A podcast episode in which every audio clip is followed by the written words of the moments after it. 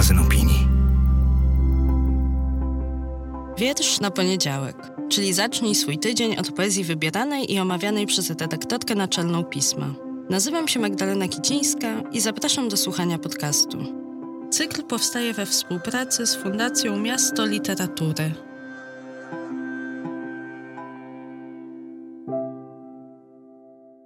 Cześć, dobry wieczór, dzień dobry.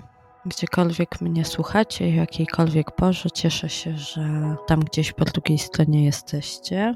Jak już się wysypałam i zapowiedziałam tydzień temu, gościnią dzisiejszego odcinka podcastu Wiersz na poniedziałek będzie i jest, będzie za momencik, poetka i ultramaratonka Małgorzata Lebda. W piśmie gościliśmy ją po raz pierwszy w czerwcu ubiegłego roku i nie wiedziałam wtedy, że to jest początek czegoś, co będzie trwało dłużej niż ta jedna współpraca i ten jeden tekst. A ówczesny tekst to akurat nie był wiersz, tylko esej, taka historia osobista, czytanie wody.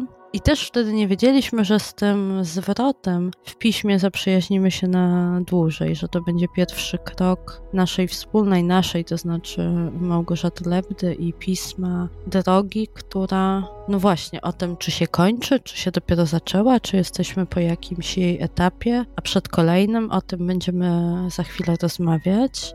Bo jak może wiecie, ci, którzy są z pismem trochę bliżej, czytanie wody z tamtego tekstu stało się przygodą, która zmaterializowała się we wrześniu. 1 września Małgorzata po wielomiesięcznych przygotowaniach, bardzo skrupulatnych i metodycznie prowadzonych pod okiem specjalistów, rozpoczęła swój bieg od źródeł Wisły do jej ujścia, ponad 1100 kilometrów w 28 jeśli dobrze pamiętam, 28 dni, czyli kilkanaście ultramaratonów, jeden po drugim. A my we wrześniu relacjonowaliśmy w naszych mediach społecznościowych i na stronie, zaś Małgorzata z poetki na chwilę, na te kilkadziesiąt dni stała się reporterką, bo dzień po dniu zapisywała wszystko to, co się wydarzyło, kogo spotkała, co czuła, co widziała, co mijała. Te wszystkie emocje, szczegóły, no właśnie, z taką reporterską, reportażową precyzją. Chociaż ja tu chyba w podcaście wielokrotnie mówiłam, ja uważam, że poezja jest w ogóle gatunkiem non-fiction. Jest najbardziej gatunkiem non-fiction, jak się to tylko da, jak to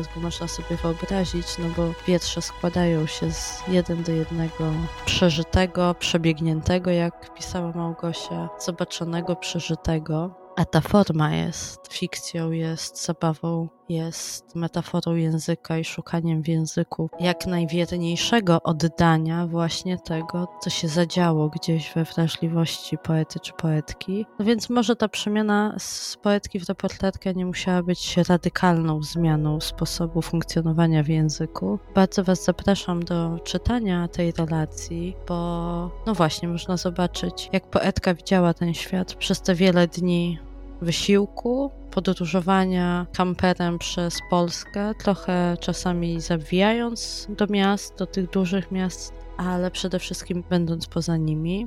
I tam też możecie przeczytać w tych relacjach również, co Małgorzata czytała podczas tego miesiąca i też wcześniej przygotowując się do tego biegu, do tego wysiłku, bo poezja w tym projekcie, w tej przygodzie była równie ważna jak słuchanie ciała, poddawanie się ruchowi, czy czytanie wody. Oczywiście czytanie Wisły, bo Wisła, ruch, ciało, poezja to chyba były takie cztery najważniejsze punkty. Ale o to też jeszcze dopytam teraz, kiedy już jesteśmy chwilę po, kiedy chyba to wszystko się dopiero układa i ta tafla wody już coraz mniej jest rozbujana, rozfalowana, tylko się zaczyna stabilizować. No ale nie będę się domyślać, co poetka ma na myśli, tylko ją o to zapytam. Zatrzymałaś się już, czy jeszcze biegniesz, Małgorzato? To bardzo trudne pytanie. Minęły już ponad dwa tygodnie od momentu, kiedy dobiegłam do ujścia Wisły, tam gdzie mieszają się wody Wisły z wodami Bałtyku, ale cały czas mam w sobie jakieś takie drganie. Czasem jest tak, że budzę się w nocy i łapię się na takiej myśli, która opiera się na tym, czy ja już jestem po tym biegu, czy ten bieg jest dopiero przede mną i chwilę zajmuje mi przypominanie sobie tego wszystkiego, co się wydarzyło i to mnie utwierdza, że jednak to już jest przeżyte, że to się zadziało właśnie. I może mam taką cichą nadzieję, że nie jesteś już tak zła na mnie, że jak ta zła redaktorka cię prosiłam o zapisywanie codziennie. Mam taką cichą nadzieję, że to gdzieś zaprocentuje kiedyś w tekstach twoich, te szczegóły, które no niestety przymuszona przez naszą pismową tutaj współpracę z nami, którzy byliśmy bardzo nieprzejednani w egzekwowaniu od ciebie tekstów, ale że te szczegóły dzięki temu gdzieś się nie wypłukały, korzystając z tych wodnych metafor. Wiesz, Magdalena, ja jestem bardzo Wam wdzięczna za to, że ta współpraca polegała też na tym, żebym pisała, że miałam nad sobą te deadlines, które udawało mi się dotrzymywać. Mam nadzieję, że nie poczuliście, że się na Was gniewam, bo cały czas we mnie była duża radość tego, że ja mogę o tym opowiadać, co przeżywam.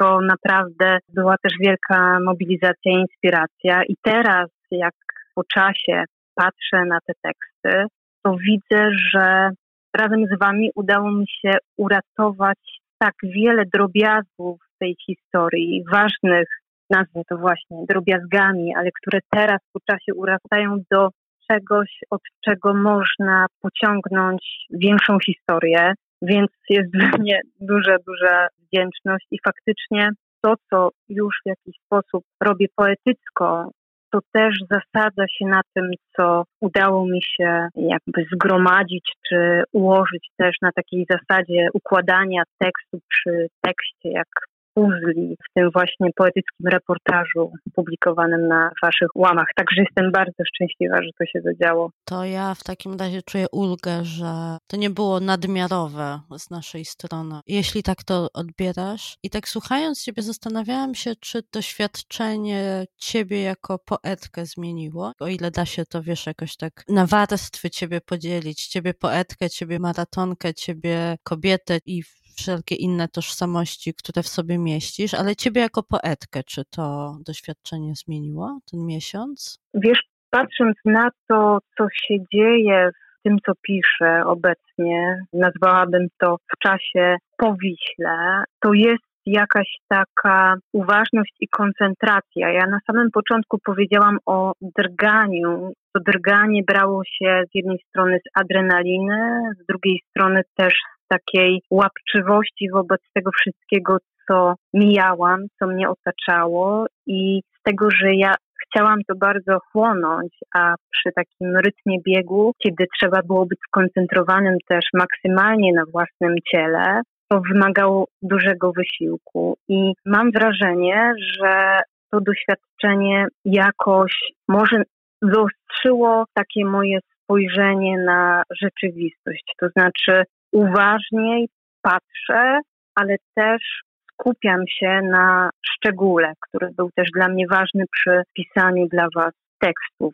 Nie wiem, jaką do końca formę to przyjmie, co powstaje, ale to, co mogę na te dwa tygodnie po biegu powiedzieć, to właśnie to, że jest jakieś takie skupienie na szczególe, który właśnie pozwala mi opowiadać historię, wywodzić historię ze szczegółu. Myślę, że to doświadczenie tego długiego, ponad tysiąc kilometrowego biegu tak właśnie namieszało w mojej poetyckiej wyobraźni. A co jest najtrudniejsze w niebiegnięciu?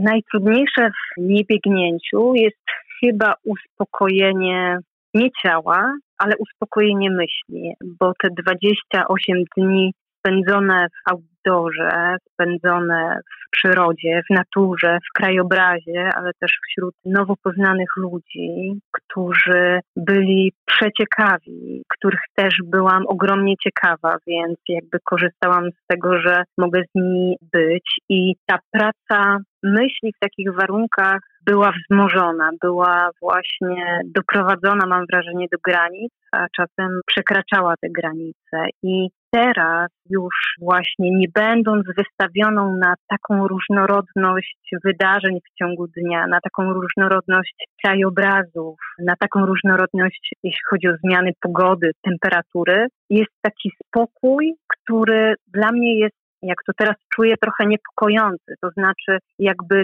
czuję, że coś się nie dzieje, a mogłoby się dziać. I to pewnie wiąże się z tym, że takie bycie w outdoorze jest w jakiś sposób kuszące. Myślę, że można się od tego uzależnić. Zwierzę ci się wcześniej ci tego nie mówiłam, ale ja mam z Wisłą taką inaczej bliską relację niż twoja. Mieszkam w Warszawie od kilkunastu lat i czasami mieszkałam daleko od rzeki, czasami mieszkałam bardzo blisko rzeki i wtedy był taki czas, kiedy mieszkając na Pradze Północ w okolicy Zoo biegałam, kiedy jeszcze właśnie biegałam prawie codziennie rano na tej ścieżce wzdłuż rzeki, bardzo blisko kamienia w którym jakiś czas temu się widziałyśmy ale zawsze, kiedy przejeżdżam, przemierzam mosty nad Wisłą zarzucone, to zawsze mam bardzo pasjonującą lekturę albo rozmawiam przez telefon jadąc tramwajem. To zawsze mam taki imperatyw, żeby popatrzeć na rzekę, wiesz, i codziennie, nawet dzisiaj też taką dłuższą chwilę od samego początku, kiedy Wisła się gdzieś ukazała na moście Poniatowskiego, kiedy siedziałam w tramwaju, to tak ją, ja ją albo ona mnie od odprowadzałam wzrokiem i starałam się zobaczyć, jak ona dzisiaj wygląda. A twoja przygoda biegowo-poetycka dodała mi do tego taki refren, który ja myślę, że wcześniej go sobie powtarzałam, tylko nie używałam do tego słów. To był właśnie ten mój rytuał takiego zasysania spokoju z powodu istnienia, stałości istnienia tej rzeki. I teraz ten refren brzmi: Wisła istnieje, istnieje, i już wiesz, do czego się odnoszę, czy do czyjego wiersza się odnoszę, bo wiersz tej poetki też był istotny dla ciebie ciebie. Słuchałam, jak czytasz ten wiersz w kamieniu dwukrotnie podczas jednego i drugiego spotkania w połowie września. Raz w szkole poetyki, raz podczas tego naszego otwartego spotkania, i wiem, że poetka, o której mówię, nadal jest z tobą, mimo że bieg się zakończył. Tak, Inger Christensen, o której mówisz, a którą mamy w polszczyźnie dzięki wspaniałej tłumaczce duńskiego Bogusławie Sochańskiej i dzięki wydawnictwu Lokator, które wydało książkę Alfabet. I tak, Inger Christensen towarzyszyła mi od samego początku. Właściwie to trochę za jej sprawą odważyłam się pomyśleć o tym, że można zrobić coś takiego, jak właśnie przebiec taki dystans po to, żeby opowiedzieć o czymś, co jest dla mnie ważne, żeby oddać głos słabszym, żeby opowiedzieć o bytach, które głosu nie mają. I jestem pewna, że gdyby nie Inger Christensen, że gdyby nie te lektury jej wierszy, a muszę się przyznać, że jej książkę Alfabet przeczytałam już na pewno kilkanaście razy, to nie byłoby tej wiślanej przygody, więc jest we mnie duża wdzięczność wobec jej słów. I muszę też powiedzieć, że taka koncentracja na konkretnych jej wierszach, to było ciekawe, że tak jak prowadziła mnie rzeka, to trochę zmieniał się repertuar mojego czytania z Inger Christensen. Na dodatek, szczególnie w drugiej połowie biegu, kiedy już coraz bardziej jakby dopuszczałam do siebie informacje ze świata, bo też nie chciałam, żeby ten bieg był po prostu moim powiedzeniem rzeczywistości. Nie obchodzisz mnie, bo uważam, że nic nas nie zwalnia z tego, żeby trzymać rękę na pulsie rzeczywistości, szczególnie jeśli ona jest po prostu totalnie zła. No i oczywiście chcę tutaj powiedzieć o tym, co towarzyszyło mi w czasie biegu w kontekście tego, co dzieje się na naszej wschodniej granicy.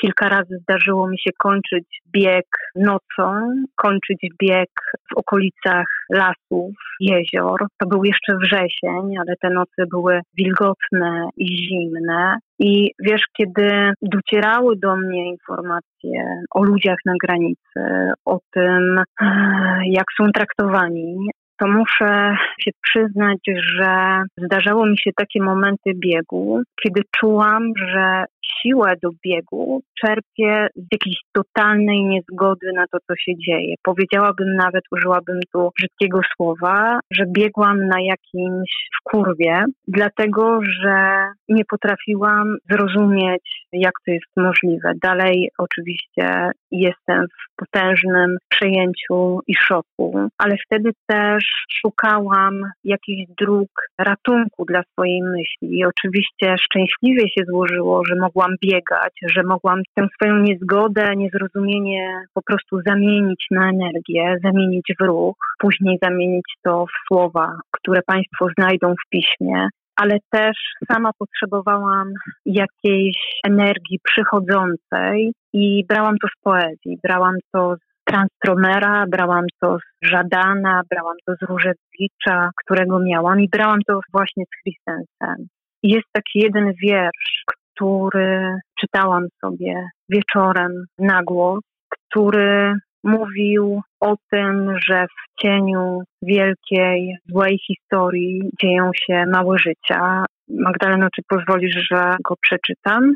Bardzo, bardzo chcę, żebyś przeczytała, bo był taki moment w czasie Twojego biegu, kiedy ja też jeszcze bardziej potrzebowałam Twojej relacji z tego zmagania, żeby ja nie mówię, że mieć przeciwwagę, ale żeby mieć jakieś światło w tym mroku, w którym miałam wrażenie, że mam wrażenie cały czas, że się bardzo pogrążamy, mimo tych wszystkich aktów sprzeciwu i aktów dobrej woli, które też codziennie i każdej nocy nad granicą i na granicy i w tych miejscowościach, gdzie są dobrzy ludzie, się dzieją. I też od tamtego momentu w tym podcaście, w każdym w zasadzie odcinku przez poezję, czy rozmawiając z poetami, z poetkami, ostatnio z Wojtkiem Bonowiczem, no nie możemy nie patrzeć w tamtą stronę, więc bardzo, bardzo chciałabym, żebyś przeczytała a potem może sobie pomilczymy po prostu. I tak zakończy się ten odcinek. A wszystkich Państwa, którzy nas słuchają, bardzo gorąco zachęcam do śledzenia między innymi działalności grupy Granica lub też medyków na granicy i wspierania ich, jeśli chcecie, jeśli możecie, bo nie jest tak, że nie możemy niczego zrobić. Możemy o nich myśleć, możemy dla nich czytać i posłuchać wiersza, który za chwilę Małgorzato przeczytasz. Możemy coś robić. Bardzo, bardzo proszę Cię o lekturę i o te słowa. To wiersz z dedykacją dla nas wszystkich. Bomba atomowa istnieje. Hiroshima, Nagasaki. Hiroshima 6 sierpnia 1945. Nagasaki 9 sierpnia 1945. 140 tysięcy zabitych i rannych w Hiroshimie. 60 tysięcy zabitych i rannych w Nagasaki. Liczby niezmienne gdzieś w odległym, zwyczajnym lecie. Potem umierali ranni, z początku wielu, większość, potem mniej, ale wszyscy na koniec dzieci rannych, urodzone martwe, umierające, dużo dzieci, jeszcze, jeszcze i wreszcie ostatnie. Stoję w kuchni, obieram kartofle, z kranu leci woda i niemal zagłusza dzieci na podwórku. Dzieci krzyczą i niemal zagłuszają ptaki na drzewach. Ptaki śpiewają i niemal zagłuszają szept liści na wietrze. Liście szepczą i niemal zagłuszają ciszą niebo. Niebo zalane światłem, światłem, które od tamtego czasu przypomina ogień bomby atomowej. Odrobinę.